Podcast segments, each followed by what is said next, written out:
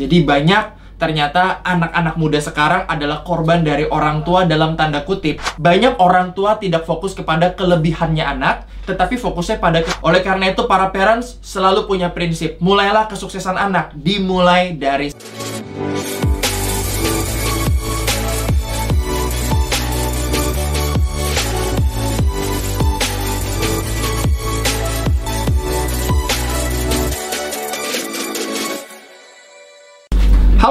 Parents, kembali lagi di YouTube Ideal Parents bersama saya Coach Michael Leo dan hari ini kita pengen membahas satu tema yang menarik. Jadi memang pembahasan ini sengaja saya bahas karena banyak banget kejadian-kejadian yang akhirnya membawa saya kepada tema kali ini.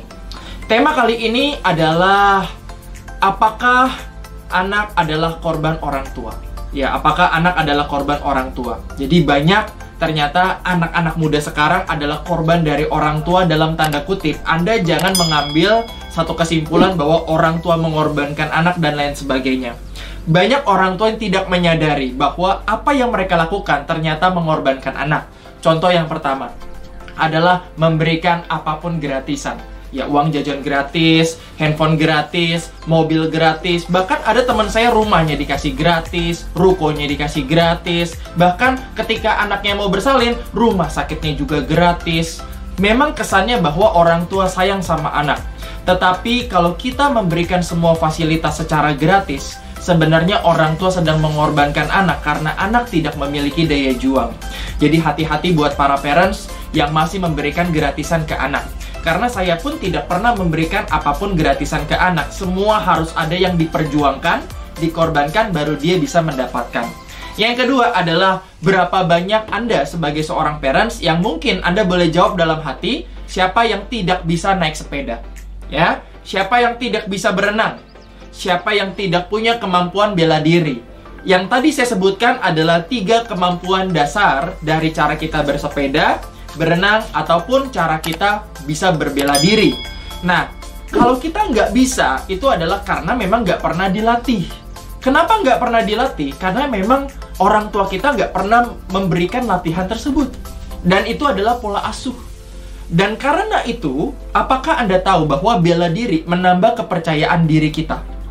Apakah Anda tahu bahwa ketika anak kita nggak bisa berenang dan teman-temannya bisa berenang, dia menjadi minder dan tidak percaya diri. Jadi, hal-hal yang menjadi kemampuan dasar harus dikuasai oleh anak kita. Banyak anak muda tidak punya kemampuan dasar. Oleh karena itu, itu adalah salah satu bentuk di mana orang tua mengorbankan anak. Kemudian yang ketiga, banyak orang tua tidak fokus kepada kelebihannya anak, tetapi fokusnya pada kekurangannya anak. Kalau anak nilainya jelek, dilesin langsung. Kalau anak nilainya nggak bagus, langsung dilesin.